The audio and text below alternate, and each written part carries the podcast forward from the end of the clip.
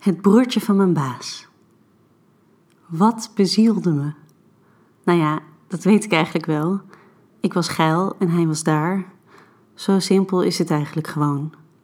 Gooi nog flink wat alcohol en een scheutje euforie in de mix en je hebt een heerlijk schandalige cocktail van een avond.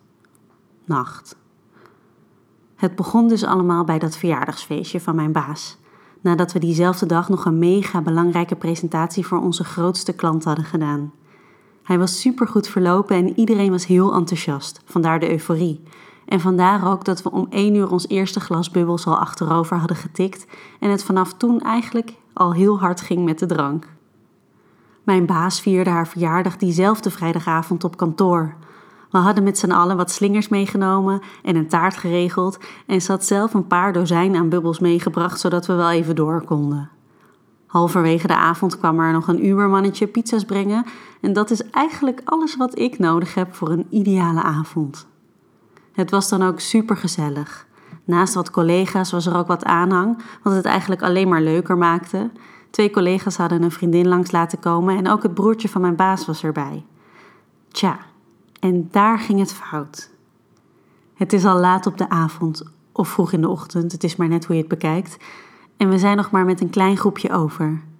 Drie vrouwelijke collega's, mijn baas, Job, haar broertje, en ikzelf. Allemaal redelijk aangeschoten.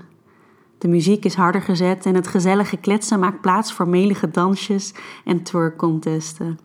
Ik loop op de gang terug van de wc als ik Job tegenkom. We hebben oogcontact.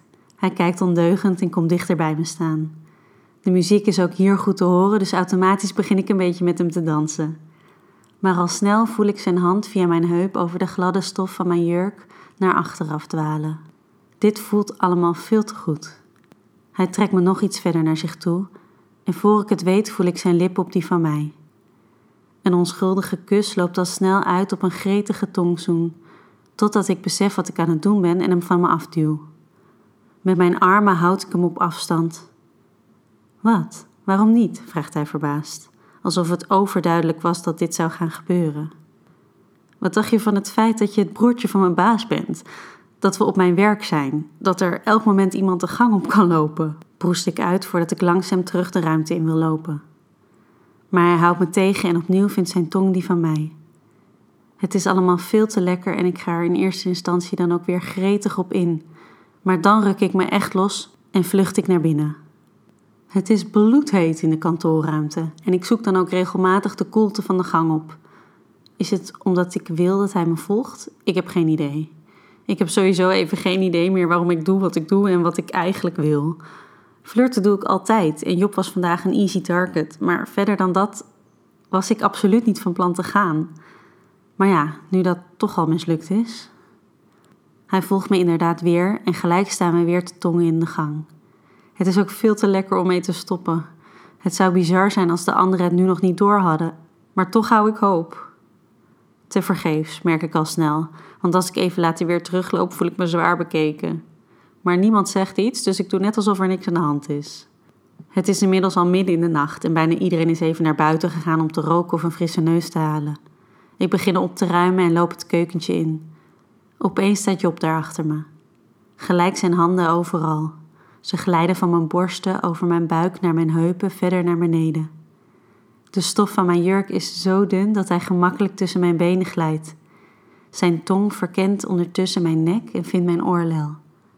Het is zo verleidelijk hieraan toe te geven. Ik draai me om en glijd met mijn tong diep zijn mond in.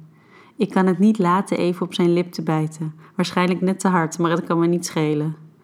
Als hij met zijn hand tussen mijn benen begint te bewegen, hap ik naar adem. Ik ben zo fucking nat. Net als ik een hele zwakke poging doe hem tegen te houden wanneer hij onder mijn jurk probeert te komen, hoor ik stemmen dichterbij komen en duw ik hem weer van me af. Was het lekker? vraagt Sophie, een van mijn collega's, even later plagerig, als we even alleen staan. Oh nee, denk ik, wat heb ik gedaan? Maar ze verzekert me ervan dat onze baas het alleen maar heel grappig vindt. Het stelt me gerust, maar hij blijft nog steeds heel jong en ik blijf nog steeds heel aangeschoten en het blijft nog steeds op kantoor. Als ik Job even later met Sophie en een andere collega zie kletsen, kom ik naast hem zitten. Terwijl we daar aan het kletsen zijn, begint hij met mijn lichaam te spelen. Zijn hand glijdt van mijn dij naar mijn billen, over mijn schouder waar hij van bovenaf mijn jurk in glijdt en even in mijn tepel knijpt. Alsof ik nog niet geil genoeg was. Ga je mee? fluistert hij in mijn oor.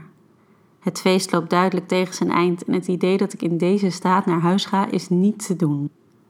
Oké, knik ik dan ook.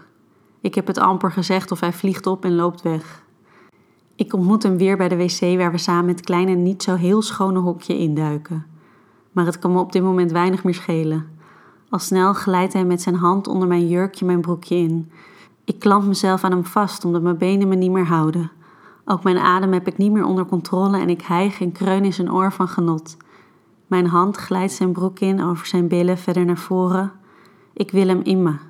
Ik draai me om en ik ben zo nat dat hij gemakkelijk naar binnen glijdt en begint te stoten. Ik ben ongeduldig en ik wil komen.